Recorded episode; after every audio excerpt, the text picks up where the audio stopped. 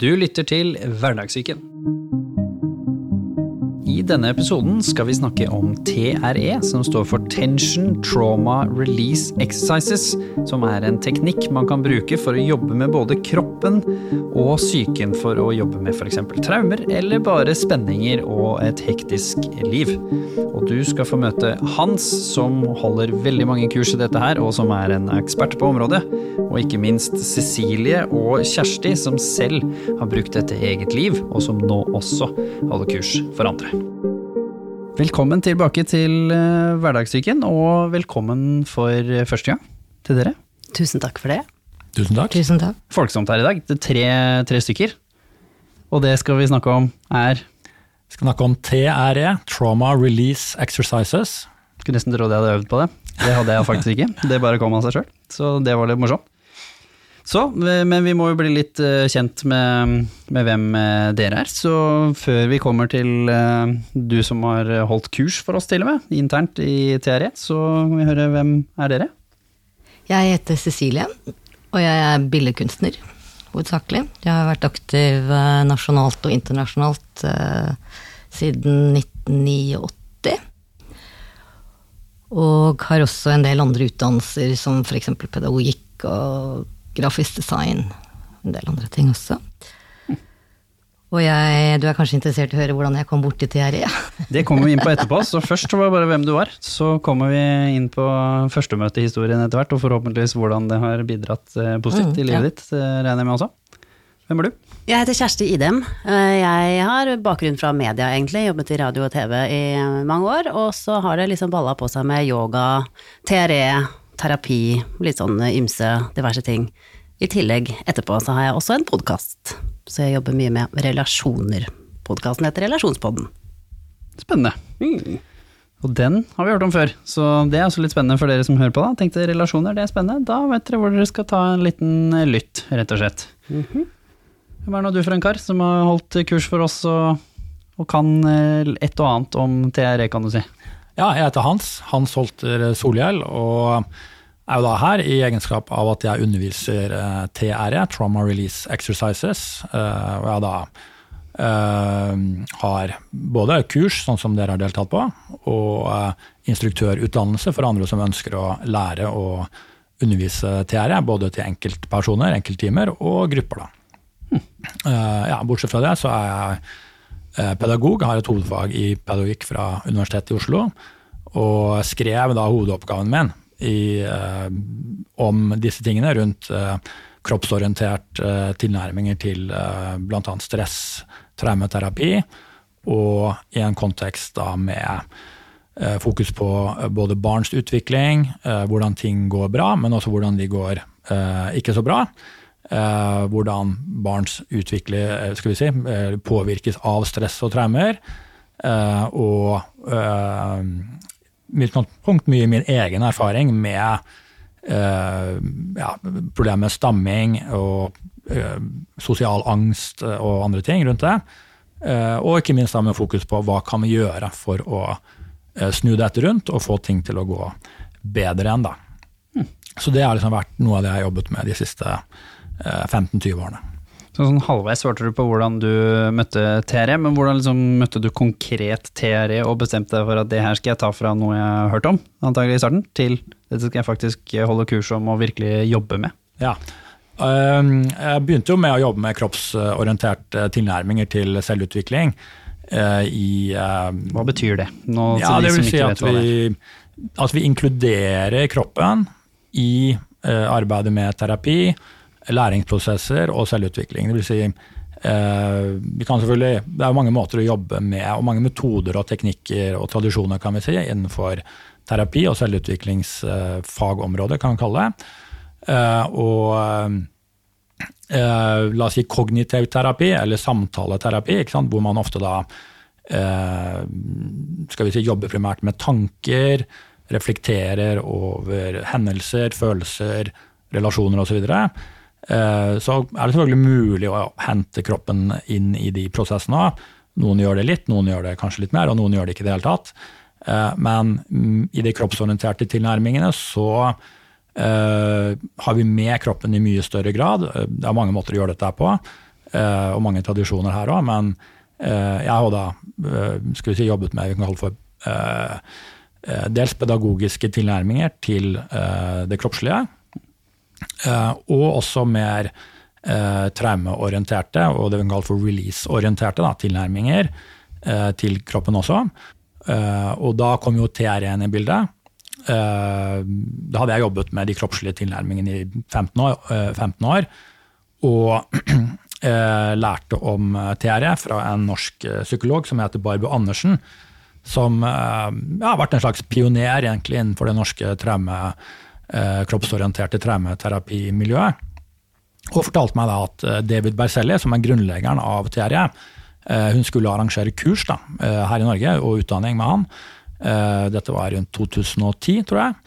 Eh, som var første gangen han var i Norge. Eh, og da var jeg med på de kursene og utdanningene han holdt den gangen. Hva var det som skjedde da, når du var der? Du hadde jobba med dette her i 15 år. Hva var det som gjorde at dette fanget litt ekstra oppmerksomhet? Det jeg ble spesielt nysgjerrig på, eller fascinert av ved TRE Jeg hadde selv jobbet mye med disse release-prosessene tidligere. og blitt inspirert av tidligere tradisjoner da, innenfor det fagområdet, eller feltet. Da. Og eh, det jeg syns var spesielt bra med TRE, eh, var at det var en relativt eh, eh, skal vi si, tilgjengelig måte å eh, jobbe med dette på, som var ganske lett å lære, og lett å lære bort. Både til enkeltpersoner og grupper og lett å integrere med andre måter å jobbe på. Også kognitive, relasjonelle tilnærminger og andre kroppsorienterte tilnærminger som yoga. Jeg jobber selv med noe som heter Feldenkrais-metoden osv. Og, og eh, så likte jeg David selv veldig godt. Eh, han hadde en veldig varm og inkluderende eh, tilnærming. Eh, integrerer kunnskap fra mange ulike tradisjoner og, og, og fagområder. Og kanskje unngå litt den, uh, skal vi si Selgerfella? Ja, og litt mer sånn Dette er min metode, den må være bedre enn andre metoder. Eh, skal vi si. Eh, holdningen da, som enkelte eh, kanskje man av og til kanskje opplever da, i disse miljøene. Hmm. Han forsto meg Å slippe folk ordentlig inn. Følelser inneholder egentlig flere komponenter. Vi har det jo best når vi klarer å fungere godt sammen med andre mennesker. Dette er Hverdagssyken, podkasten hvor vi sammen med fageksperter og mennesker med levd erfaring tar for oss de tabubelagte temaene og psykisk helse i hverdagen. Og Så kommer det store spennende spørsmålet, da, før vi får høre litt hvordan de andre gjestene møtte TRE. Mm. Hva er TRE, hvis du skal gi litt mer utdypende forklaring på det? Ja, eh, TRE eh, tar jo da utgangspunkt i at eh, vi mennesker, fysiologisk sett, har en del kroppslige mekanismer som hjelper oss å regulere ned det vi kaller for aktivering etter både hverdagslige stressende hendelser, Eh, større livspåkjenninger i livet, men også mer akutte traumer. Eh, eller kutte eh, skal vi si, traumatiske hendelser. Da. Det lagres i kroppen, rett og slett. Ja. At når vi går og er stressa, som for en vanlig kvinne og mann i gata, så f.eks. kan det være spenninger. For eksempel, ikke sant. De fleste vil kjenne igjen at man i belastende perioder, eller etterkant av akutte hendelser, kan oppleve nettopp det du sier. Kanskje spenninger, smerter, Eh, begrenset pust, kanskje man har litt utfordring med å regulere følelser og, og fungere litt mindre eh, sunt kanskje i relasjoner osv.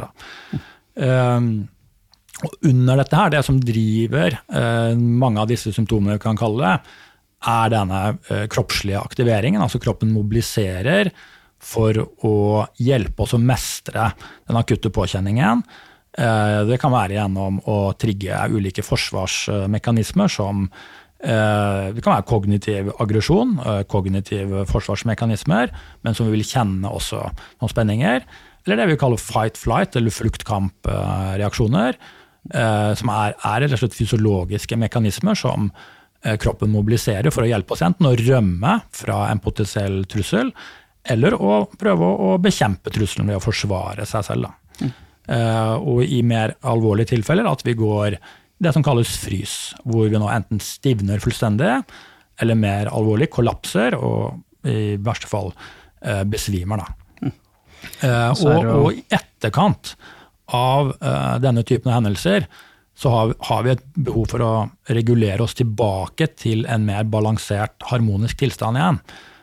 Og eh, den prosessen eh, som foregår da, fysiologisk sett, eh, eh, en av de mekanismene som kroppen bruker der for å regulere seg tilbake til balanse igjen og til harmoni, det er eh, det vi kaller for nevrogenisk skjelving. De aller fleste, veldig mange har opplevd eller sett eller hørt om andre som har skjelvet eller ristet etter større påkjenninger. Noen skjelver og rister før man skal på en scene, eller prestere noe i en idrettskonkurranse. Eller typisk hvis man har opplevd noe fryktelig skummelt, så er man gjerne rolig der og da. Og så Ja. etterpå, når ting roer seg, så begynner man å riste. Ikke sant? Du, ofte så står det overskrifter i avisen. eh, 'Jeg skal som et aspeløv'. Ikke sant? Det er typisk eh, eh, skal vi si, eh, det vi kaller for nevrogenisk skjelving. Da. Og den nevrogeniske skjelvingen har man da ofte i, tradisjonelt i psykologien og sett på som eh, noe vi ønsker å ikke oppleve, eller ikke, eh, at det ikke skal være der. Eh, mens vi i de mer de kroppsorienterte traumeterapitradisjonene eh, ser at denne skjelvingen faktisk er kroppens naturlige og sunne forsøk på å rebalansere oss igjen, eh, oss selv, og komme tilbake til en fysiologisk, fysiologisk balanse igjen, hvor vi får redusert mengden av denne eh, fight-flight-aktiveringen, eventuelt også frysaktiveringen. da. Så det vi gjør i, eh, i TRE Vi skal gå nærmere på Ja, detaljene etterpå. ja, da Deres første møte, for jeg holdt på å si, det er jo ikke bare bare å finne dette her. Jeg hadde ikke hørt om det før jeg møtte Hans selv, så hvordan var det dere møtte dette? Begynner med deg. Jeg møtte det i kraft av at jeg etter altså, hele mitt voksne liv, også som barn, har vært veldig opptatt av det å kunne være selvhjulpen og finne ting ute i naturen. Oppsøke ting, sette sammen ting, altså i forhold til helse, men også i forhold til arbeid og hva jeg utøver generelt. Så, jeg, eh, så har jeg også hatt eh, veldig alvorlige helseutfordringer og problemer, som for eksempel eh, hjernehinnebetennelser, eh, postviralt eh, syndrom, som de nå kaller ME, som da har altså rett og slett lammet meg, og jeg har vært sengeliggende i omtrent 13 år til sammen i mitt voksne liv, on and off. Og gjennom min søken etter hvordan jeg da kunne behandle det etter å ha blitt møtt av et helsevesen som da jeg vil påstå systemisk har, eh, har angrepet meg, så, som jo i seg er en belastning, så har jeg eh, oppsøkt f.eks. Alexander-teknikk, nå også Feldenkreis, dette med body-mind, dette med å gå inn i kropp. Hva er en organisme, hva består den av? Hvor, hvordan opererer den?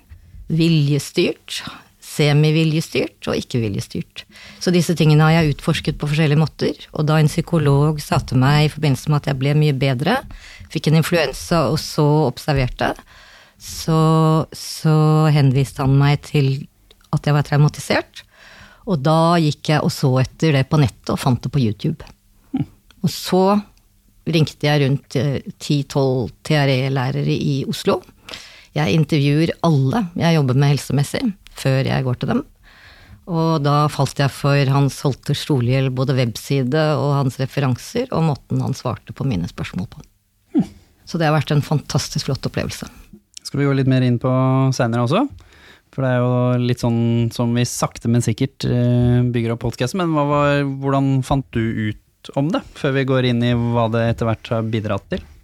Eh, Egentlig så var jeg borti TRE etter at jeg hadde født barn for første gang. For da begynte jeg å riste som en eh, gærning etterpå. Og så lå der og «Æ, Hva er det som skjer med meg nå? Ja, de jordmødrene og alle som var der, sa bare nei, nei, dette er helt naturlig, bare dette går over, det går fint, ikke tenk på det. Ok, tenkte jeg ikke noe mer på det. Og så gikk det vel ti år eller noe sånt etterpå, før jeg var Jeg er jo yogalærer, blant annet, og skulle være med på Oslo Yogafestival. Og da hadde jo jeg en del klasser selv, så det var ikke så mange jeg fikk gått på. Men jeg ville jo gjerne være med på noen. Og da var det en som het restaurativ yoga og TRE. Så tenkte jeg mm, det blir sikkert kjempefint, jeg går på den, aner ikke hva det er, det blir flott. Eh, og da var vi jo en gruppe da, som gjorde litt rolig yoga først, og så var det da denne nevrogenske skjelvingen etterpå. Og da ble jeg Det var et litt sånn low point i livet mitt, hvor egentlig jeg var helt utslitt, og ting var dritt, og samlivsbrudd og deprimerte barn, og ting var ikke spesielt bra. Så jeg hadde jo lite energi, og etter at jeg kom ut fra den yogatimen, så var jeg helt ferdig. Da klarte jeg nesten ikke å komme meg hjem engang, liksom, og slepte meg til slutt opp de fire etasjene og bare måtte legge meg på sofaen og sove, som jeg aldri gjør på dagtid. Men en hel uke etterpå så var jeg helt sånn derre juhu! Hadde så mye energi og var så blid og fornøyd og glad og tralala, liksom. Så da tenkte jeg dette skal jeg lære mer om.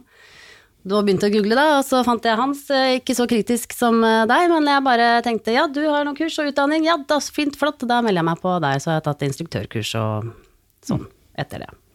Spennende. Så kan ikke du fortelle litt om liksom, Du nevnte det i stad, men hva er liksom de vanligste type menneskene hvor du får på kurs, eller liksom møter, hvor dette kanskje etter hvert blir nyttig? Så skal vi snakke litt mer om i detalj hvordan dette er nyttig. Men hva er de mest vanlige type menneskene? Sånn? Har vi fått to eksempler, men hva er det på en måte du ser oftest? Eh, eh, ja, det er mye kvinner, da. Gjerne som har eh, bakgrunn i og interesse for uh, ting som har med kroppsorienterte prosesser å gjøre. Altså, det kan være eh, en del som har, driver med yoga, mindfulness. Uh, det er uh, ja, altså de som opplever livsbelastninger eller har opplevd traumer eh, på ulike måter. Eh, Hvorfor tror vi det er sånn? Er det, er det stigma? Er det at vi mannfolk ikke tør å Det er noen utforske? menn også, det er noen menn også, så jeg skal ikke helt Men, men det er flertall av kvinner, det er helt åpenbart. Men det er det jo på yoga og hos psykologen og på alt som har med å prøve å få det litt bedre med seg selv å gjøre, da. I Så hvert hva er fall det kanskje ting som har med Hvis vi skal kalle det som på en måte virker som om det er litt mer utradisjonelt. ikke sant? Nå blir ting mer, mer tradisjonelt, mens hos psykologen så vil jeg jo tenke at eh, der er det mer stigmaen om at man ikke skal snakke om hvordan man har det. Det snakker vi nok om på hverdagssyken. Men her er det jo en fysisk ting som du sier som kanskje kommer litt mer inn i verden av yoga og mindfulness, men som også kommer jo kanskje mer fra den litt mer utradisjonelle, i hvert fall i Norge, dessverre. Det eh, jeg syns er litt kjipt med akkurat det, er at mange tror at TRE er liksom spirituelt og åndelig og rart og sånn, men det er en helt naturlig respons i kroppen. Det er som å grine. Det er veldig naturlig. Ja. skal vi snakke mer om etterpå også. Jeg har jo opplevd det selv, så jeg skal dele litt av eh, erfaringene der også. Men det er jo den tanken man tenker. en, ting her det er litt eh, Kjersti nevnte òg. For du, du nevnte det at uh, du hadde opplevd å skjelve og riste i forbindelse med fødselen, og det er det ganske mange kvinner som uh, sier. Eh, og kvinner har kanskje en litt annen kontakt med visse eh, sider ved seg selv og kroppen enn eh, enn menn har i utgangspunktet. Eh, Blant annet fordi man, man føder, da. Eh, og eh, som er en veldig intens, skal vi si, ikke viljestyrt eh, prosess, og hvor mange opplever nettopp å riste etterpå. Da. Og nå har jeg også hørt da, at flere og flere blir møtt på en mer positiv måte da, enn man ble før i tiden rundt dette her.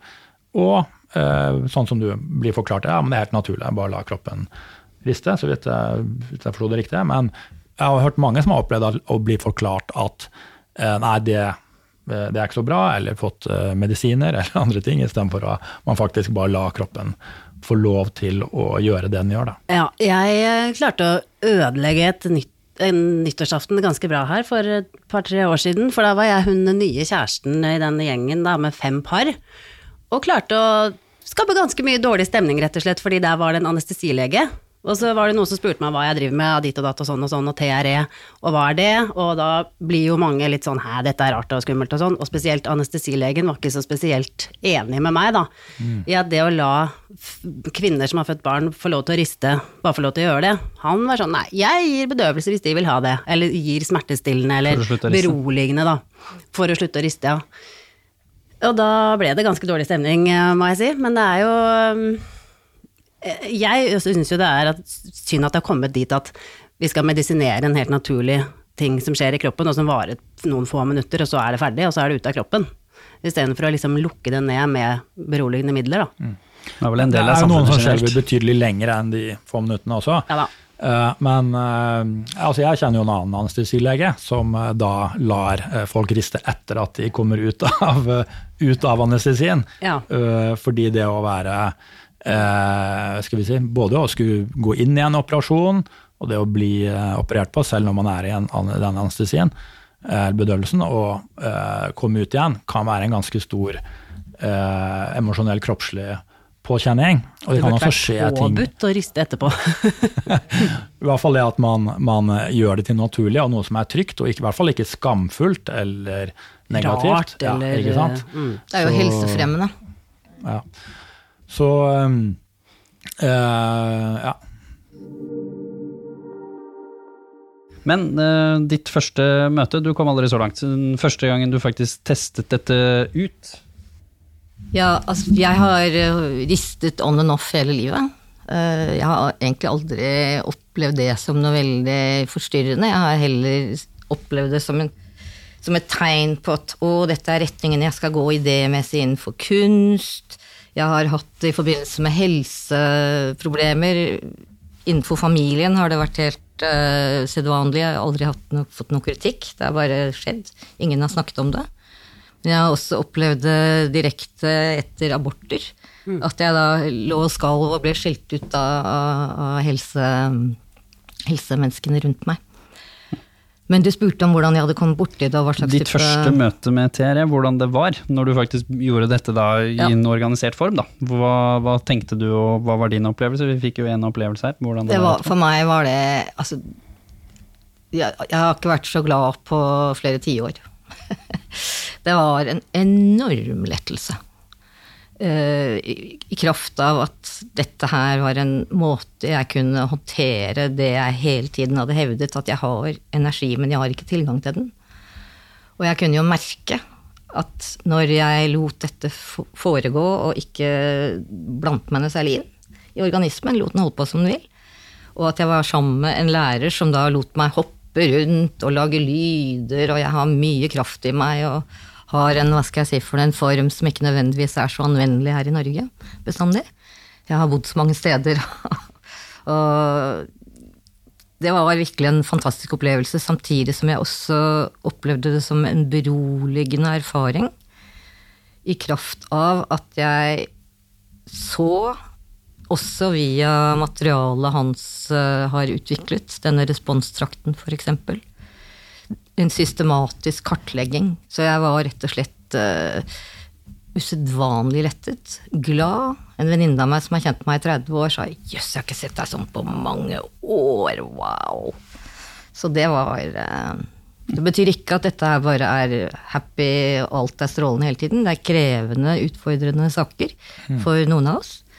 Men det er en usedvanlig livsbejaende og helsefremmende mekanisme en kommer borti, som i kombinasjon med andre ting er, eh, har vært veldig bra for meg og hele mitt liv, faktisk. Jeg begynner å komme tilbake til live igjen og Du sa du hadde følt at du ikke hadde tilgang til energien din. Kan du på en måte forklare litt, fordi det er jo viktig for oss også i podkastene våre også forklare litt hvilke tøffe utfordringer man har hatt før det ble bedre. Så kan du prøve å beskrive hva du mener med det, og litt hva slags utfordringer Du nevnte litt i stad, men gå litt mer i dybden på den som var rett før du møtte Tere, kanskje? Jeg kan jo bruke dette begrepet ME som jo, uten å gå mer inn i det, annet enn at det er blitt veldig mye mer kjent, og at det er forbundet med utmattelse. Det vil si at man er ikke trett, man er fullstendig utkjørt. For meg har det vel si at jeg f.eks. da har brukt en hel dag å krabbe på toalettet, og krabbe tilbake igjen. Som alenemor, f.eks., og uten noe særlig hjelp. Så det er veldig krevende situasjoner.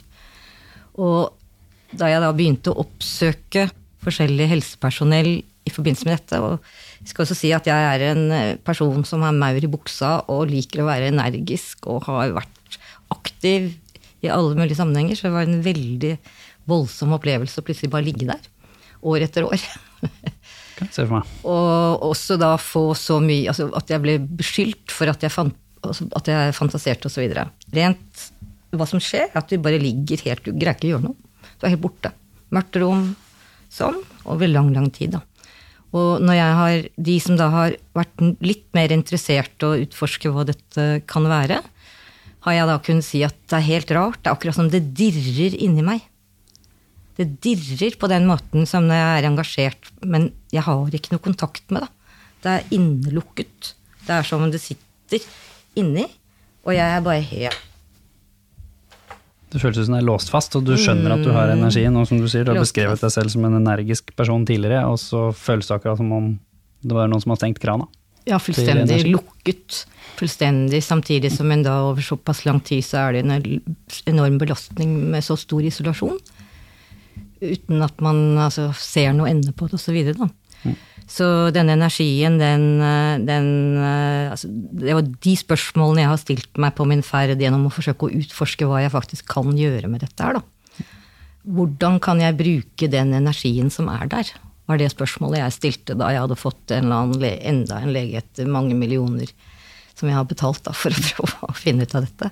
Og det heter jo tross alt Hverdagssyken, eh, vår flotte podkast, så hvordan var dette her, som du sa, i hodet og i hjertet, og bære på dette og føle at du ikke har tilgang til den, du blir ikke trodd. Det er jo en ekstra belastning. I tillegg så har du forpliktelser med å være mor og disse tingene som, som jeg regner med man kanskje ikke følte seg som den beste versjonen. Nei. Så hvor kan du beskrive hvordan det var på det tøffeste? Nei, det er klart at det har vært det er et enormt stigma for en kvinne å overlate ansvaret til eh, barnet sitt til, eh, til faren. Det er uh, være tårnet. Heldigvis. Jeg, for ti år siden så kunne ikke jeg snakke om dette, da mistet jeg pusten. Det har vært såpass krevende, for det handlet jo også om at familien trodde jo ikke på meg. De trodde jo ikke at jeg var syk, de trodde at jeg fant på det. Sånn at det er usedvanlig, altså veldig underlig, underlig situasjon, da. Så en er overlatt til seg selv, og da er det rett og slett det å være nysgjerrig osv. Og, så og, og det har vært veldig, veldig kraftig. Hvordan føltes det? Det føltes helt, helt for jævlig. Jeg følte at jeg sviktet henne, jeg følte at jeg sviktet meg selv. Jeg følte at det var altså, Selvfølgelig, altså, i en sånn situasjon over lang tid så har man jo ikke spesielt lyst til å leve videre. Det er en utfordring bare det å finne en eller annen Hva skal jeg si for noe Et eller annet sted hvor det er noe vits å kunne greie å fortsette, da. Så det som har hjulpet meg konkret, er jo det... Så det tilbake til hjelpen etterpå, men eh, Det har vært eh, voldsomt. Veldig voldsomt stigma. Men jeg vil også si, siden vi sitter her i Norge, da, så uten å gå for lengt inn, så er det altså Visse helseproblemer trigger så mye aggresjon i, eh, i innenfor altså Nav, befolkningen osv. Slik at det blir en belastning å være med noen. Jeg har faktisk i flere år Jeg husker jeg sa til søsteren min her eh, for noen år siden Nei, jeg vil ikke være med noen her i dette landet mer. Og jeg har jo lang erfaring, da. Jeg har jo isolert meg som billedkunstner fordi jeg har villet det. Altså vært ute på øyer og altså, jobbet om natten og virkelig stortrivdes med det. Så da tenkte jeg faen heller, dette kan jeg. Nå gjør jeg det. Dette gidder jeg ikke mer. Og bluff, på toppen av alt sammen så skal de faen danse meg kriminalisere meg. Og ikke faen. Det er en følelse Så- som kommer fra å ikke bli trodd. Ja, liksom. altså det er mer enn det. De forfølger deg jo. De prøver jo å kriminalisere deg. Er du syk nok? Har du rett på disse pengene? Jeg satt jo der i årevis i forbindelse med Nav og lurte. Er jeg syk nok i dag? Eller er det slik da at jeg gjør noe galt, og at, at jeg ikke er syk nok, sånn at jeg tar imot penger på feil grunnlag? Enorm belastning. Og det kan jeg si at hvis jeg skulle gjort i, i retrospekt, ville jeg aldri Da ville jeg heller dratt på en eller annen øy og ligget alene enn å forholde meg til et sånt system. Det er utilgivelig. Det forstår jeg veldig Ja. godt. Så jeg kommer til å gjøre en del med det etter hvert. Forsøke om jeg kan få hjelpe andre. Det har vi snakket mye om her også, systemet, og hvordan det ikke alltid er helt heldig, for å si det sånn. Men uh, også for deg, hvis du skal beskrive litt mer i dybden, liksom, du sa at det var en av de tøffere punktene i ditt liv når du dukket opp på dette yoga TRE, første møtet ditt. Hva var, hvis du skal beskrive liksom litt lignende, hva var det du sto i som gjorde at Ja, jeg har eh, ikke var... så mye å skrive hjem om som det du har, men um, det var bare Bare i gåseøyne. Men uh, altså, jeg var eh, altså jeg har jo jobbet fullt og hatt eh, to små barn og starta drevet eget firma ved siden av full jobb og disse to små barna og et samboerforhold som gikk eh, veldig dårlig. Og ja, bare flytting og oppussing og uh, ditt og datt og bare altfor mange ting, liksom. Og lite pause, høres det ut som. Veldig lite pause. Så veldig sånn øh, sliten over lang tid, og veldig mye øh, bare Altså, ja, det er nesten sånn litt sånn Sånn som alle har det nå for tida, vet du. Ikke sant? Sånn derre Altfor mye å gjøre. Uh, Altfor små barn. Altfor uh, Ikke flink pike at jeg skal også være så flink, men øh, jeg klarer jo dette selv. Og så klarer jeg det, og den og den og den og den. Og så går åra, og så bare Å, nå var det veldig slitsomt her, liksom. Kan du beskrive forskjellen på det å være sliten etter ei uke med hard innsats, og denne type sliten som du snakker om nå? Ja, det er, du, er, du kommer deg jo liksom ikke helt eh, opp, da. For jeg husker faktisk eh, Det var kanskje den sommeren før jeg kom på den TRE-yogatingen eller noe sånt. Da husker jeg at jeg var på jobb og skulle ha en radiosending som skulle vare i fem timer, eller hva det var. Og jeg husker at jeg tenkte, hvis den hadde vart i et kvarter lenger nå, så hadde jeg dødd, liksom. Men så var jeg jo på ferie, og så gikk det jo seg til, liksom. Men den der der, og den tror jeg veldig mange kan kjenne seg igjen i, da, når du har små barn og står i liksom bare det som er vanlig hverdag, liksom, for småbarnsforeldre som eh, hvor begge jobber, og det er ting og tang som skal skje, og litt sånn drive litt firma på si, og litt sånn småsnacks, og, og litt dårlig stemning hele tiden. Så det er ikke akkurat eh, så givende. Nei. Hvordan var det inni hodet og hjertet ditt? Da, Nei, det var ganske mørkt, da. Eller eh, tung, eh, tungt. Jeg følte at jeg var i, jeg gikk i en sånn gjørme, liksom, hele tida, som jeg ikke kom ut av. Uh, og den gikk og gikk i ganske mange år. Og så ja, så syns jeg TRE hjalp eh, veldig på det. Bare, bare fikk en sånn veldig sånn wow, shit, dette her Det trenger ikke å være sånn. Liksom, jeg trenger ikke å gå i den gjørma. Og det er klart jeg har gjort mange andre ting også. Eh, Trodde du at det skulle være sånn? For Nei da, jeg trodde- at, eh, Gjørme var helt vanlig, eller det må du tåle, eller det klarer du, eller Nei da, jeg trodde vel egentlig ikke det. Jeg har vel alltid tenkt at dette, nå blir det bedre. Jeg tror jeg kanskje er litt vel sånn optimist, at nå tror jeg at bare sånn og sånn, vet du, da blir det bra. Og det gjør det jo ikke. I'll be happy when-syndromet, ikke sant, som eh, jo ikke fins. Men eh, det er jo bedre nå, så noe har jo skjedd. Men eh, jo, jeg har gjort andre ting også, sant, som har hjulpet på, og så har tiden gått, og barn har blitt større, og jeg har ikke Eller jeg har kanskje like mange baller i lufta når jeg tenker meg om, men ehm, Det skal vi inne på hvordan det blir bedre også. Nå kan vi tusle litt inn på det nå. Så Men jeg vil bare si det at rent sånn fysisk også. Ikke, sant? Ik ikke bare er jo TRE at det skal være så veldig terapeutisk og så veldig Det trenger ikke å være så veldig wow, på en måte. Det kan også bare være en helt fysisk eh, følelse i kroppen, eller noe du gjør med kroppen, og så får du det bedre etterpå. Jeg har for eksempel en del eh, litt sånn funky rygg. Mye skjevheter og spenninger som bare liksom alltid er der. Og jeg har gått masse til kiropraktor og osteopater og ting og tang og sånn, og det er jeg veldig glad i, jeg. Det funker fint, det, og det er tipp og topp. Men jeg har blitt enig med meg selv nå de siste årene om at det er TRE som funker best. Legger jeg meg ned og rister noen få minutter, så er det mye bedre. Eller i hvert fall like bra da, som en time hos uh, kiropraktoren, liksom. Ja, det er to ting jeg gjerne vil eh, kommentere her. En, eh, en av de tingene Cecilie nevnte. Uh, og, uh, og det er det at disse prosessene med TRE, selv om eh, mange opplever dette som veldig ganske enkelt og, og trygt, og i hovedsak positivt, så jo, jo mer alvorlige eh, skal vi si, traumetilstander man eh, har å jobbe med, jo mer krevende kan disse prosessene være når vi begynner å involvere kroppen og disse forløsende prosessene. Slik at vi eh, vil ikke fremstille det som om dette bare er veldig lett eller enkelt. Eller, det kan være veldig krevende, og spesielt å begynne med når man lærer seg disse prosessene og eh, blir vant til det og lærer seg å håndtere noe av den Det kan selvfølgelig dukke opp sterke følelser, eh, minner, og oppleves eh, turbulent også fysisk. Eh, så, så det er en veldig viktig del av prosessen å jobbe med det, og også få støtte i den prosessen og lære om det. Eh, så det er noe vi selvfølgelig snakker mye om å jobbe med i denne instruktørutdanningen. Eh, men vi ser av og til at det er noen som eh, kanskje bare prøver TRE fordi de har sett det på YouTube eller lest om det eller noe, og så syns det blir litt vel intenst. Eh, og Da er det viktig å få med hjelp og støtte i de prosessene, og helst da hos noen som kan mye om kroppsorienterte traumeterapier. da. Så det er viktig å fremheve det, det poenget.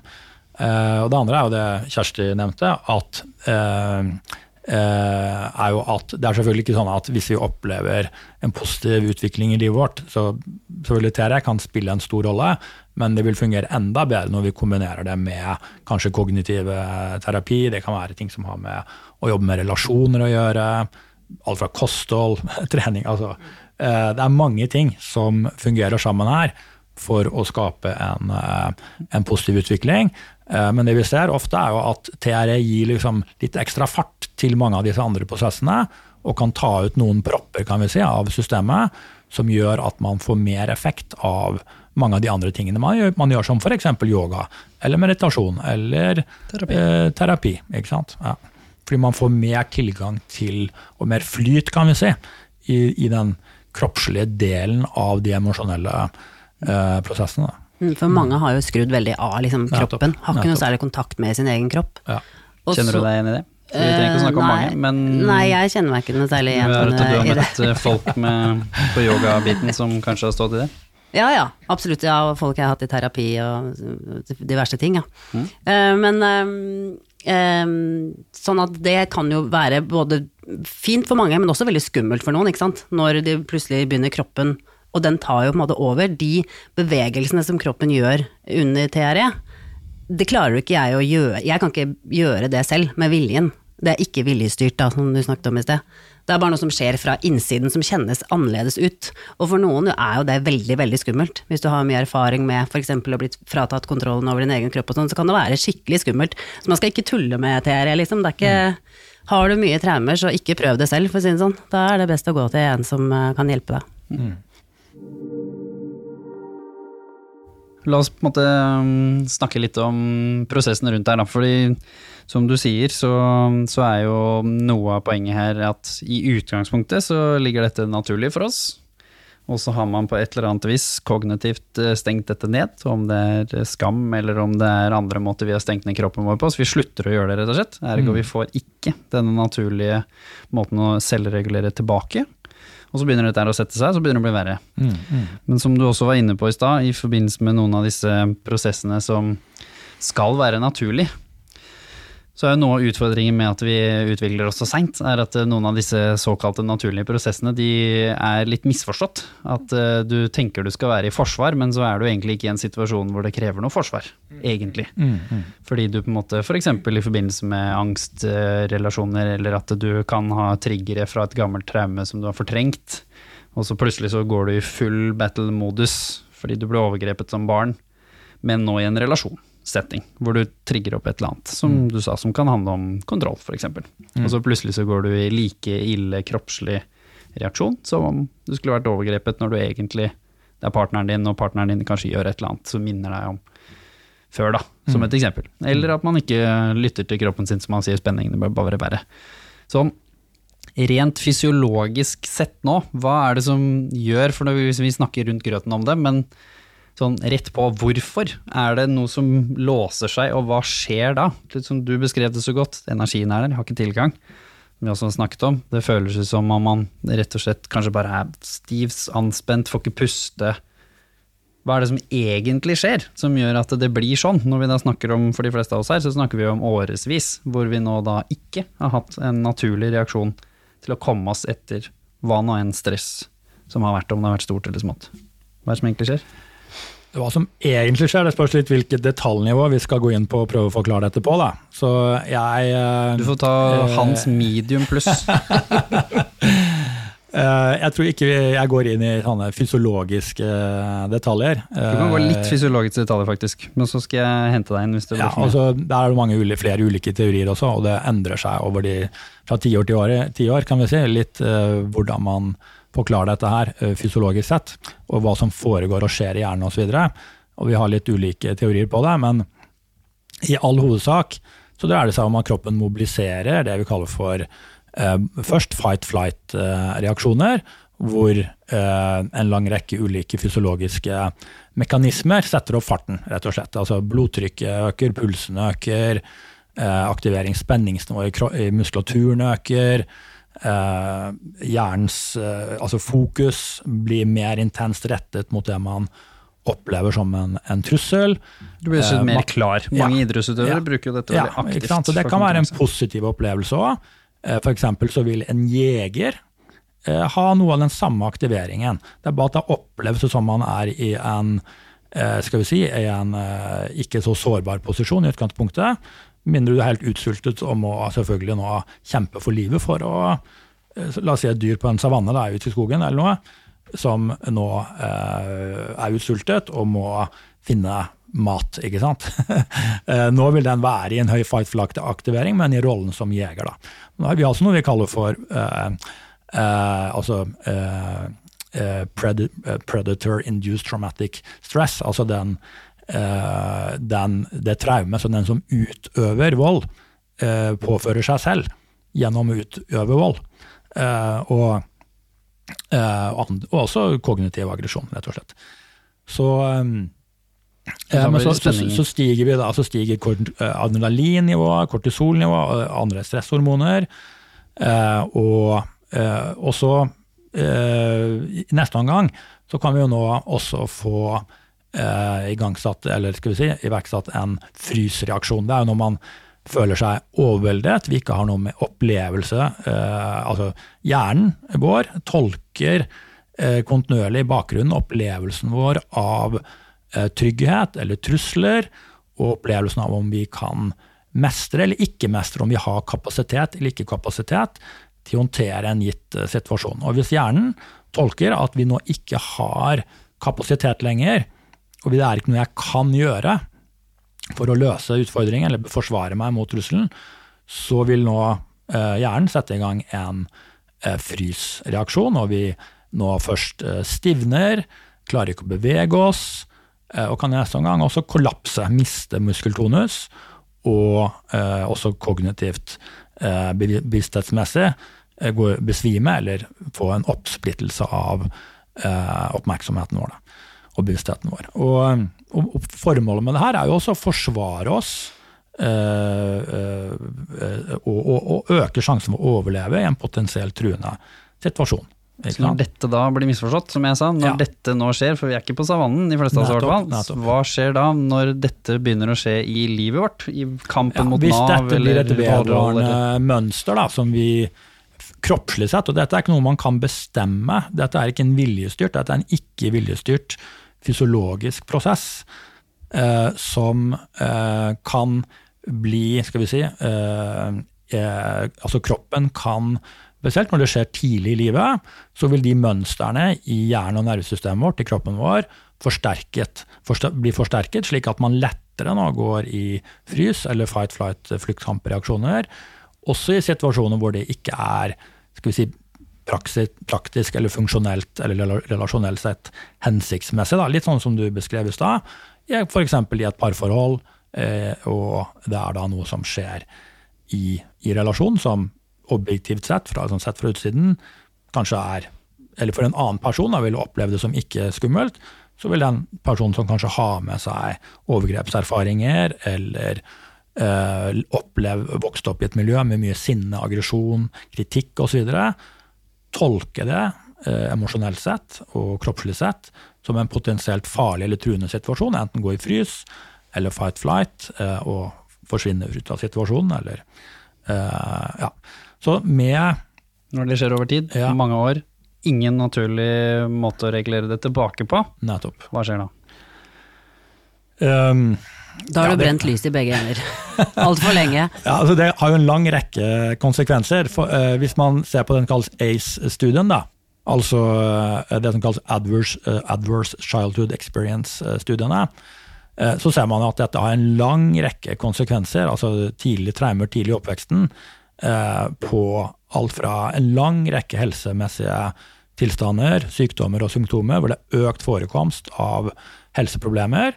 Det er en ø, vesentlig økt Det er korrelasjonsstudier, dette er da, ikke sant? Så vi, ikke sant, hvor man ser at det er, en, er ikke en, en årsakssammenheng direkte, det må man i så fall eh, tolke inn eh, og forklare på andre måter. Men det er iallfall en sterk korrelasjon da, mellom traumer i oppveksten og en lang rekke ulike både helsemessige utfordringer, utfordringer i relasjoner, utfordringer i forhold til jobb, økonomi og ja, så godt som hva som helst av ulike typer av vanskeligheter man kan ha.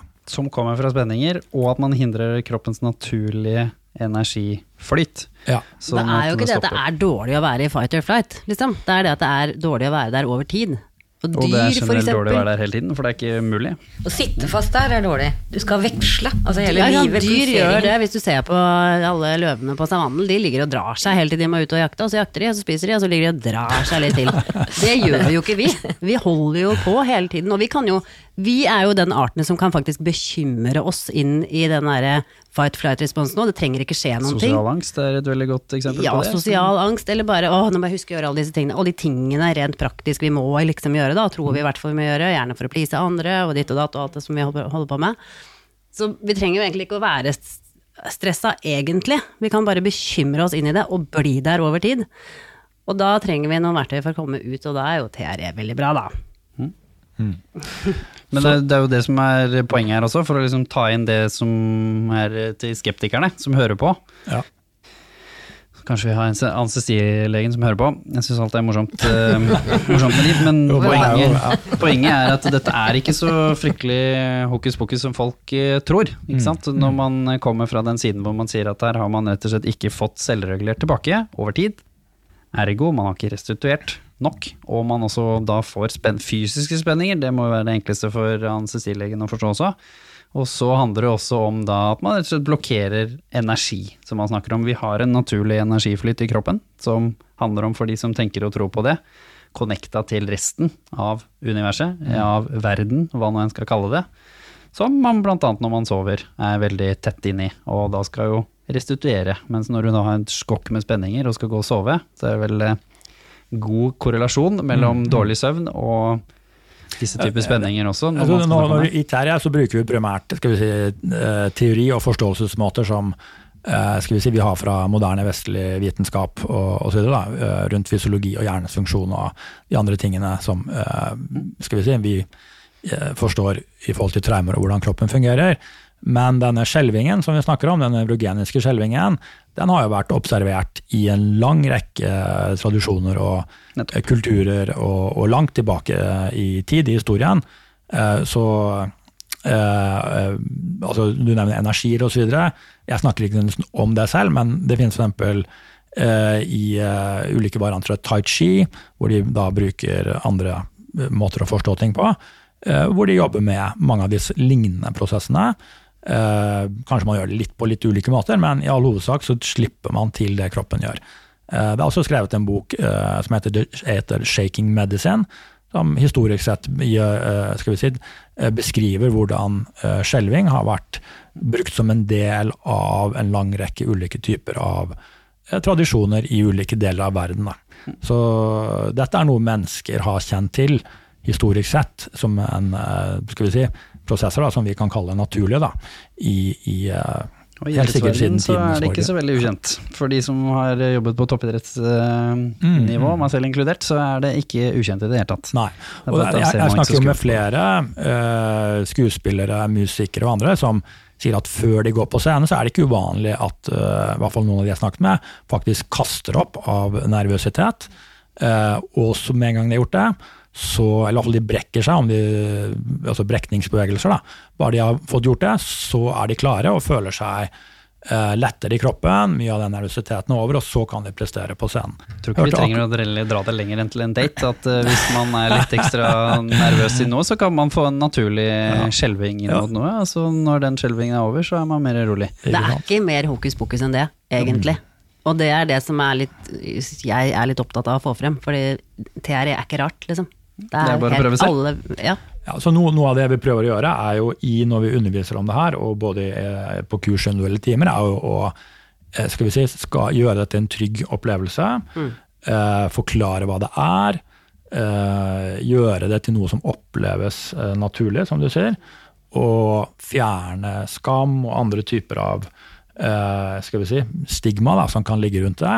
Slik at vi kan bli mer trygge på oss selv og vår egen kropp og de tingene kroppen gjør ikke viljestyrt og autonomt. Da.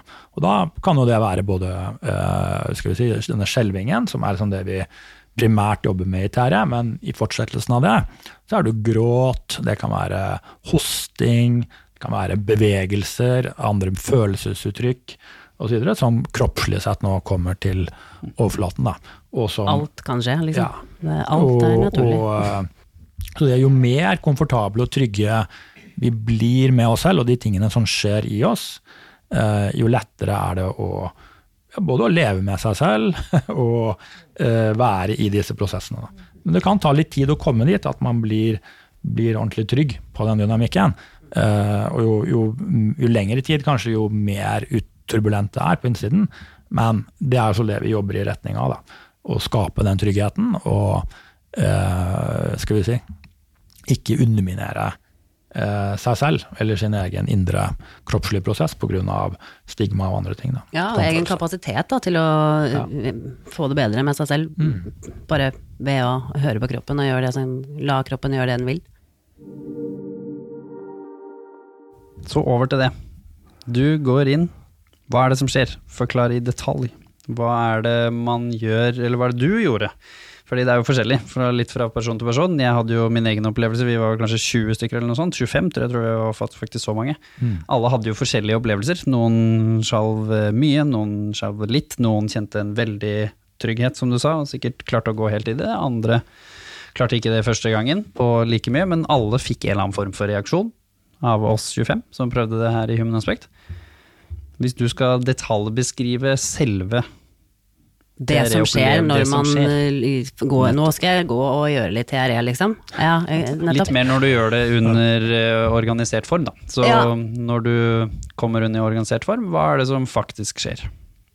For å si litt sånn generelt, da, så for de fleste så er det jo beina som begynner å skjelve. Fordi det er ta oss med til forklaringen. Hvordan kommer man til å skjelve? TRE er jo et sett av aktiveringsøvelser som eh, er ganske litt rare og ganske kjedelige, for å være helt ærlig. Uh, Kom fra yogainstruktøren med masse energi. ja, men som er veldig effektive. Eh, så de funker. Så derfor er det bra å bruke de. uh, og når man har gjort disse aktiveringsøvelsene, så legger man seg ned på gulvet og har enda en litt rar, uvant stilling, på en måte, hvor man ligger med fotsålene sammen og knærne ut til siden. Og så er rett og slett det man gjør, å ta knærne mot hverandre for å komme i gang med denne skjelvingen. Eh, og for veldig mange da, så er det beina som begynner å gå. Og det er liksom hofteleddsbøyeren som er eh, inngangsporten. Eh, og jeg syns jo det var veldig artig da når jeg lærte det, for i yoga så har jeg alltid liksom hørt at ja, ja, hofteleddsbøyeren det er sjelens muskel. Og at det liksom, ja, skal ikke gå mer inn på det, men jeg bare synes det var litt sånn, å ja, hofteleddsbøyeren kan faktisk få hele kroppen til å begynne å gjøre de helt rareste ting. Det, litt, det er jo interessant. Eh, så da ligger man egentlig på gulvet med knærne ut i siden, men opp, eh, man tar dem opp da, gradvis på en måte, etasjevis. Ligger man kanskje et par minutter i liksom den ene stillingen, kanskje det skjer noe, kanskje det ikke skjer noe. Når det skjer noe, hva føler du da? For det er jo litt viktig å ta At det med. kommer en ristebevegelse fra innsiden av kroppen som du aldri hadde klart å skape selv med hodet, og styre sånn at den ble helt lik. For det føltes jo som når jeg gjorde det, når jeg fikk det til, da. Etter hvert, så føl, som du sier, det er jo man, Først blir man litt overrasket. Bare Mm, sånn, Oi, jeg fikk det til! Fordi det var mye snakk om det i starten her. Mm, Noen Mange tror de ikke klarer det og sånn. Ja. Mm. Så når jeg først fikk det til, så var det jo veldig fascinerende, og spesielt når jeg da begynner med litt mer mindfulness-teknikker og begynner å kjenne etter i kroppen. Mm. Hva kjenner jeg nå? Er det noen steder som slapper av? Er det noen steder som spenner seg? Skjer det noe inni hodet? Kommer det liksom, som vi snakker om, følelser? Noen fikk jo frem minner og sånne type ting, og følelser også. Noen begynte å gråte, noen ikke det. Men hva var det du følte? Det liksom noen av de første gangene? De første gangene så var det bare helt sånn fysisk skjelving i nedre delen av kroppen, da. Beina liksom stort sett. Men etter hvert som jeg har gjort det mer, så har det beveget seg oftere lenger opp i kroppen, mye i ryggen, og mye sånn at kroppen vil litt over på siden og rundt omkring, og det vi lærer bort liksom til helt nybegynnere, som sikkert eh, antar at du har eh, opplevd, er at du ligger på ryggen og gjør denne øvelsen som jeg forklarte nå. Men etter hvert så er det jo mer at altså, har du kommet i kontakt med den skjelvingen, så har det ikke noe å si om du ligger på gulvet eller står eller eh, ruller rundt eller hva du driver med, liksom. Og da kan eh, på en måte alle slags bevegelser som du kan se for deg, kan skje. det kan se ut som alt mulig rart. Og det tar jo kanskje litt tid før man kommer dit. At kroppen skjønner at hei, hei, her kan jeg jo faktisk bare gjøre det jeg føler for. Um, Og hva skjer etterpå, når du måtte ha kommet inni deg igjen? da? Hva, hvordan har- er man føler seg når, når du ble litt mer skilla? Du forklarte jo første opplevelsen i stad, men når du nå bruker dette litt mer bevisst, regner jeg med, mm. hvordan positive opplevelser får du i etterkant? Nei, det er jo veldig ofte at det er eh, avspenning, da. At jeg føler at kroppen er Det er som å ha vært eh, en time hos massasjedama, liksom. Eh, Men noen ganger så er det bare helt sånn fysisk. Andre ganger så kan det komme følelser og dritt og møkk opp, så jeg ligger hjemme på stuegulvet og griner som en annen eh, gærning, liksom. Eh, og for meg er det gjerne hvis det er ting som skjer som er kjipe her og nå. Jeg har ingen erfaring selv med jeg har fått opp veldig mye sånn gammel dritt. Men jeg kan ja, kanskje litt noen ganger, liksom. Så noen ganger er det emosjonelt, andre ganger er det bare helt fysisk for min del, da. Og da eh, skjer det eh, ofte, da, hvis jeg sier av eh, ti ganger, så er det liksom ganske like bevegelser som skjer. Og så er det kanskje mm, av ti, kanskje én eller to ganger hvor det plutselig er noe helt annet som skjer. Plutselig beina opp og armene, altså armene et eller annet, eller ansiktet. Det kan skje. Det er ikke bare beina. Etter hvert så skjer det ting og tang i hele kroppen. Og du som har hatt, som du selv beskrev over flere tiår her, da.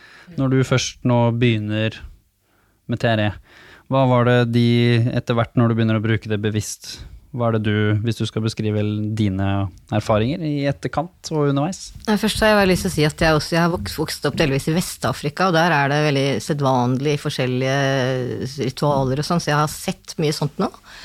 Eh, Jeg har også opplevd jeg, jeg bodde i New York eh, 11. september, eh, og han som var på besøk hos meg da, han, eh, det jeg opplevde kroppslig selv, var at hele, jeg sto og så på det fra et tak. Så jeg, og jeg, ja, jeg kjente mange og veldig krevende, altså voldsom opplevelse, selvfølgelig. Og han som var på besøk hos meg, han begynte å gråte, en mann på 60 år. Han begynte å gråte og skalv. Og jeg selv opplevde bare det som en vanlig ting, men jeg hadde ikke greid å koble den forløsnings- og åpnings- og voluminiserings Altså du skaper større plass i kroppen, rett og slett. Når du har mye fight-flight, så er det nesten ikke mer rom til oksygen eller noen ting. Og det naturlige er at man pulserer. Litt sånn som når man leker med et barn. ikke sant? Man går inn i litt fight-flight. Borte, borte. Bu-bu. Og da har du hele spekteret. Veksler sånn. Det er den naturlige. Og når det er voldsomt, og så går man ned igjen.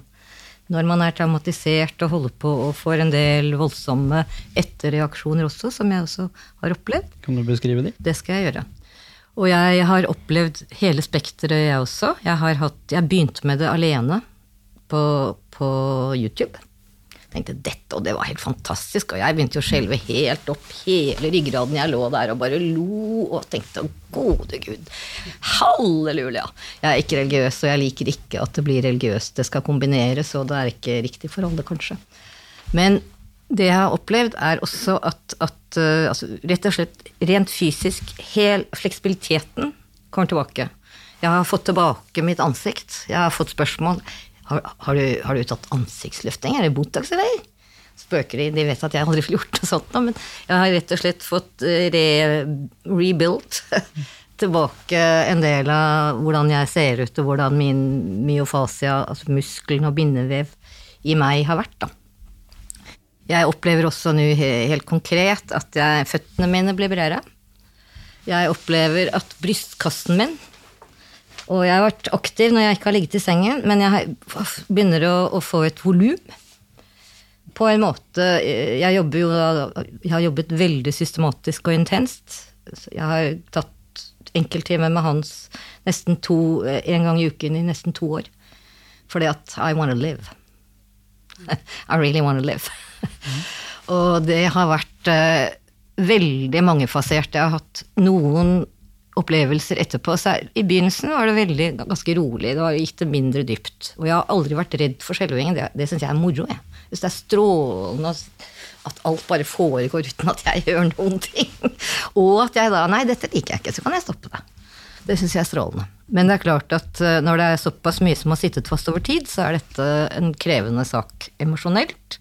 Og det er jo også selvfølgelig altså, i mange, mange plan da med voldsom angst for å bli liggende igjen, selvfølgelig. Altså, veldig, veldig mangefasert kan jeg si. Og det innebærer også at det er smart å inkludere en del andre type eh, moduler, som vi kaller det. Vil si f.eks. Alexander-teknikk, Feldenkreis. Jeg har også oppsøkt eh, psykolog, men jeg opplevde ikke at det var noe behjelpelig for meg. Men jeg har utviklet andre ting som skriving osv. Og, så videre, og holder nå på å studere en som heter Roland Bahl, som har spesialisert seg på meditativ, rett og slett å utforske rommet mellom tanker og muskel og bindevev. Tankene beveger systemet, resten av organismen. Organismen beveger tankene. En del av disse loopene og traumekapslene, som de kaller det på fagspråket, oppstår og sitter fast akkurat i området mellom tankene og dette sammenvevde sensasjonelle. For det er mye sensasjoner i kroppen ved mye traumer. Særlig når du åpner opp. Så det kan være veldig smertefullt. Altså, skikkelig Jeg kan våkne opp og bare dirre i mange timer. Det er veldig smart å vite hva som skjer, så jeg kan bli redd. Men akkurat det også, da. Veldig, det er rett og slett en form for åpning, volum. Skape volum inne i alt. Til restitusjon. Som Til restitusjon. For å få det til å pulsere. Fleksibiliteten kommer tilbake når du får det gjøre. Det er det som er med på å skape disse fastlåste spenningene. At den pulseringen er borte. De slipper rett og slett opp. Ja, vi kan jo Hvordan jobber man som her, for det er jo et godt eksempel, som du sa. Hvis det er noe, måte, noe dypere som tar lengre tid, så hva er det som er viktig å tenke på fra deg når du har jobbet med en person over to år på den måten, som den som på en måte leder prosessen her, da?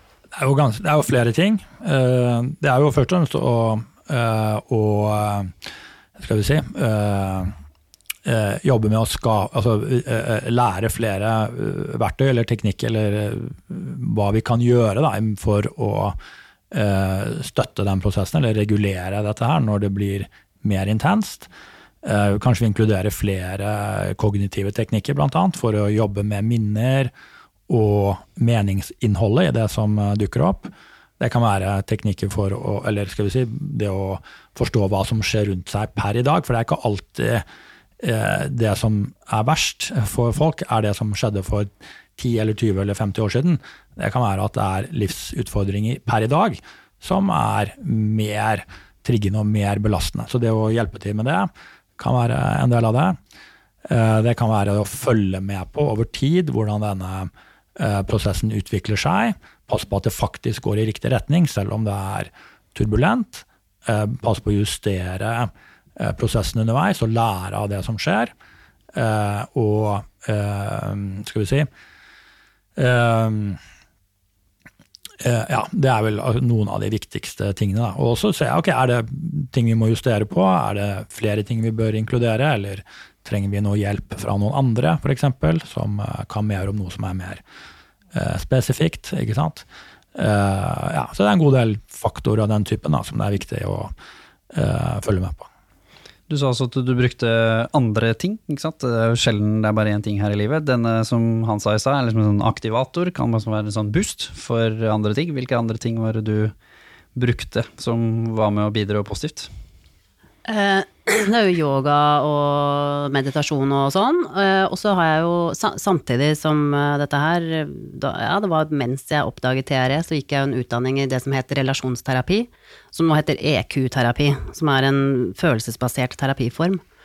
Som eh, den utdanningen varer i tre år, for det er jo egentlig fordi at man da skal kvitte seg med så mye av sin egen gørr som overhodet mulig for å være i stand til å ta imot andre etterpå. Eh, Så det har jo også vært en veldig fin kombinasjon. Jeg tenker, for min del er jo det Eller det er jo en følelsesbasert te- terapiform. Eh, Og mange som prøver TRE, så får de jo opp nettopp disse følelsene. Og da er det jo veldig fint for meg da, som terapeut å kunne ha en, eh, et verktøy til å ta imot alle disse følelsene som kommer. Og jeg blir ikke redd for det når folk har veldig mye greier som skjer. Det kunne jeg kanskje ha blitt hvis jeg ikke hadde hatt den terapiutdanningen i tillegg. Eh, Så for meg var det altså den kombinasjonen der eh, med TRE, yoga og EQ, eller relasjonsterapi. Det er ikke samlivsterapi, det er relasjoner generelt, alle typer relasjoner. Eh, Den trioen der er ganske kraftfull, da. Så det har vært fint for meg, i hvert fall. Hva er det du ser er vanlig at folk suksessfullt kombinerer TRE med? Du som har masse folk som er innom, som sikkert forteller om andre ting de gjør samtidig. Ja, F.eks. det som kalles somatic experiencing, som er eh, en eh, annen type kroppsorientert traumeterapi, men, men som er mye mer kognitiv i utgangspunktet. da. Eh, ja, Relasjons- eller EQ-terapi, som Kjersti nevnte. Vi har hatt ganske mange deltakere derfra. Mye pga. Kjersti, som har snakket om dette i podkasten sin. Og ja, yoga kan være veldig bra. Ting som på ulike måter styrker kapasiteten vår da, til å være med oss selv og fungere godt i, i, i hverdagen. Eh, også eh, trening, gå tur, eh, altså passe på at man liksom er, altså har eh, både kroppslig og emosjonell eh, kapasitet til å være med seg selv. Det er klart det er ulike innfallsvinkler til det. Det kan være meditasjon, eh, også samtaleterapi. Vi kan godt kombinere TRE og den ristingen med samtale. Uh, F.eks. det å ligge på gulvet og riste mens vi snakker om et tema. Og samtidig kjenner etter i kroppen hva dukker opp rundt det temaet, kroppslig sett, emosjonelt sett. Og la også da det kroppslige informere både meningsinnholdet og temaet for det som dukker opp. Da. Så, eh, og det kan være kognitive teknikker. eh, alle mulige slags ting som styrker kapasiteten vår da, til å fungere eh, altså, i møte med oss selv.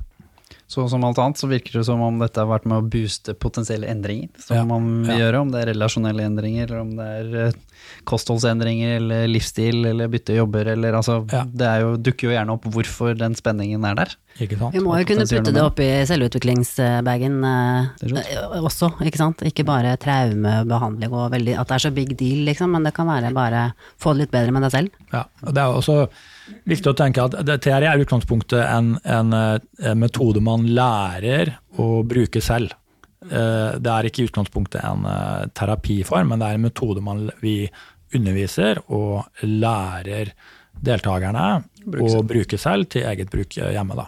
Eh, Og, og den kan brukes til vanlig stressregulering i forhold til vanlig hverdagslig stress, som alle opplever. Eh, Større livsbelastning, det kan være som du nevnte, Kjersti, med eh, samlivsbrudd kanskje, eller hverdagsstress i forhold til familie. eh, Søvn. Konflikter på jobb. eh, mange ting av den eh, typen. Da.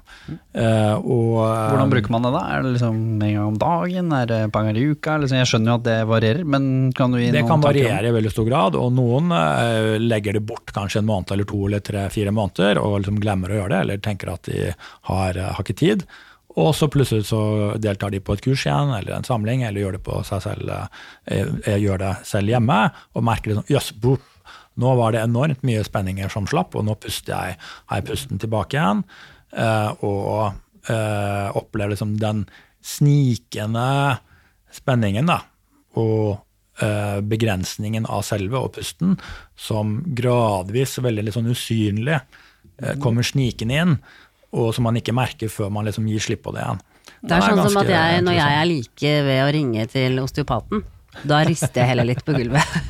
Ja, ja, det samme gjør jeg. Altså jeg bruker det i mange forskjellige sammenhenger. Jeg vil også understreke, jeg også holdt på å ta utdannelsen, og har begynt å undervise litt bl.a. blant annet en del av disse som lider av samme helseproblemer som meg selv. Og det jeg syns er veldig viktig, også det jeg ser internasjonalt, for det traumer Det ene er at det er blitt et utslitt uttrykk. Og det andre er at det er linket til så mye smerte, og, som det jo også er. Men TRE står for Tension and Trauma Release Exercises. Det kan også brukes i et vanlig hektisk liv, som du var inne på i stad. For jeg bruker det helt konkret i forbindelse med å passe på at jeg, når jeg går mye, så hender det at jeg begynner å merke belastninger, ikke sant. Og da går jeg helt konkret inn og gjør sånn som Kjersti. Jeg går ikke til noen kiropraktor noe særlig lenger. Jeg går ikke til så veldig mange, bortsett fra disse som jobber mer, altså Alex Felden, mer innenfor dette området, som er mye mer integrert. Det funker bra for meg. Og det er strålende. Jeg fikk vondt i ryggen her om dagen, gammel skade kom opp etter tre dager med risting, og, ikke bare, og da ikke slik at det bare rister her.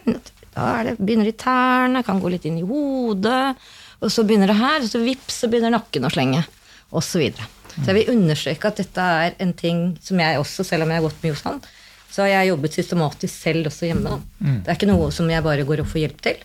Det er en aktivitet som jeg lærer om, og som jeg nå ønsker å lære bort til andre også. Ja, så det er en prosess som man ø, mer og mer ønsker å si, lære mer om for å kunne ø, selv lede den prosessen. Selvfølgelig, man kan få hjelp og inspirasjon og støtte osv., men først og fremst ø, ø, lære å selv eie den prosessen og lede den prosessen selv. Og det er også, vi snakket, altså En annen dimensjon ved TRE som man kan bruke det til, er jo eh, skal vi si, en eh, selvutviklingsprosess som inkluderer kroppen. Den kalles embodiment. Eh, bli mer kontakt med kroppen. eh, og eh, si, mer fleksibel eller friere i kroppen. Men også kapasitetsøkning. Da. La oss si man som leder, eller du nevnte idrett. Det kan være utøvende kunstnere. Egentlig hvem som helst som i sitt liv ønsker å stå litt bedre litt og tryggere i seg selv i situasjoner som er utfordrende. Da. Her kan TRE være veldig nyttig. Sammen med meditasjon og andre mindfulness og andre ting som man kan bruke. Mm. Uh, noen syns jo det ser Hvis man har sett det f.eks. på YouTube, eller noe så det ser jo ganske ko-ko ut, for å være helt ærlig. Eller det kan gjøre det, i hvert fall. Ikke nødvendigvis. Men uh, så noen kan ha litt sånn frykt for at altså Det ser ut som at man forsvinner, på en måte. At hvordan skal jeg komme, dette tør ikke jeg, for dette ser skummelt ut, jeg blir jo helt borte. Men det jeg syns er veldig interessant med det, er at du gjør ikke det, med mindre du har store traumer og gjør altfor mye og sånn, da. Men for de aller, aller fleste så kan du ligge der og skjelve og riste og le og fnise og, og rulle rundt mens du planlegger hva du skal ha til middag. Eller har en helt normal samtale om eh, hva skal du gjøre i morgen, liksom. Og det er en ganske sånn fascinerende ting med TRE, syns jeg. Da, at ikke det er, du trenger liksom ikke å sette deg ned, nå skal jeg konsentrere meg og puste og meditere, og dette er så alvorlig, liksom. Det er, du er helt til stede, da. Stort sett hele tiden, og det er egentlig litt rart. Eh, men det tror jeg er liksom, kanskje litt smart for noen å vite, som syns du bare ser veldig skummelt ut, og dette blir veldig Nei, dette kan jeg ikke gjøre, for da bare forsvinner jeg. Du gjør ikke det. Mm, Og en, en viktig del vi jobber med, er jo å øh, skal vi si, lære både å starte den skjelvingen, men også å stoppe den. Så vi, vi, altså, en veldig viktig del av hele prosessen er å jobbe med det vi kaller for selvregulering. Og det å, en opplevelse av å eie sin egen øh, kropp, altså ha selvbestemmelse. Eh, og det å, skal vi si eh, eh, underveis, enten man jobber i et kurs eller utdanning eller individuelle timer, at man selv kan velge å stoppe når man selv vil, og få hjelp til å stoppe. Eller lære hvordan vi, vi gjør dette var her. ganske enkelt, Ja. for oss som gjorde det først. Ja. Strekk ut beina, er så går det stort sett bra. Det er enkelte ganger, veldig sjelden, men enkelte ganger at eh, noen trenger litt mer hjelp for å, å regulere dette ned igjen. ikke sant? Så Derfor vil vi egentlig ikke anbefale at man lærer dette helt av seg selv på YouTube. Man, man kan selvfølgelig prøve det, har man mye erfaring med yoga og, og meditasjon og andre kroppsorienterte ting, så, så vil nok mange helt fint kunne lære dette på egen hånd, også om man har eh, en god del med seg i bagasjen fra før. Men eh, det, er, det er viktig å, i hvert fall å vite at man bør oppsøke eh, med hjelp eller støtte her, hvis eh, man eh, skal vi si eh, Har mye, veldig stor bagasje. Nydelig. Tusen hjertelig takk. Nå har vi kosa oss og snakka i det vide og det breie, men det er selvfølgelig veldig mye mer man kan lære om disse tingene, som man kan finne ut selv, både om man vil utforske kurs, eller om man vil lære om det selv, og begynne der. Vi er alle, alle forskjellige, som du sa, med i form av hvor mye research vi gjør, og intervjuer behandlerne våre, og litt alt om hverandre. Det er jo veldig viktig å være trygg, tenker jeg, som er det viktigste her. Så om du får den tryggheten på internett, eller ved å bli med på et kurs, eller å intervjue hans, så er det opp til deg, fordi trygghet er der mye starter, da. Så tusen hjertelig takk for at dere ble med oss. Tusen takk til dere som hører på. Fortsett å være litt nysgjerrig, og ikke minst eh, del det rundt. Dere vet aldri hvem som trenger å høre om dette her, som vi pleier å si stort sett hver gang. Og for dere som er ekstra interessert i relasjoner, ta en ekstra liten lytt på relasjonspodden også. Kanskje lære Ja. noe nytt og, nytt og spennende der. Tusen takk for å bli invitert. Takk. Tusen takk, det var interessant. Veldig morsomt.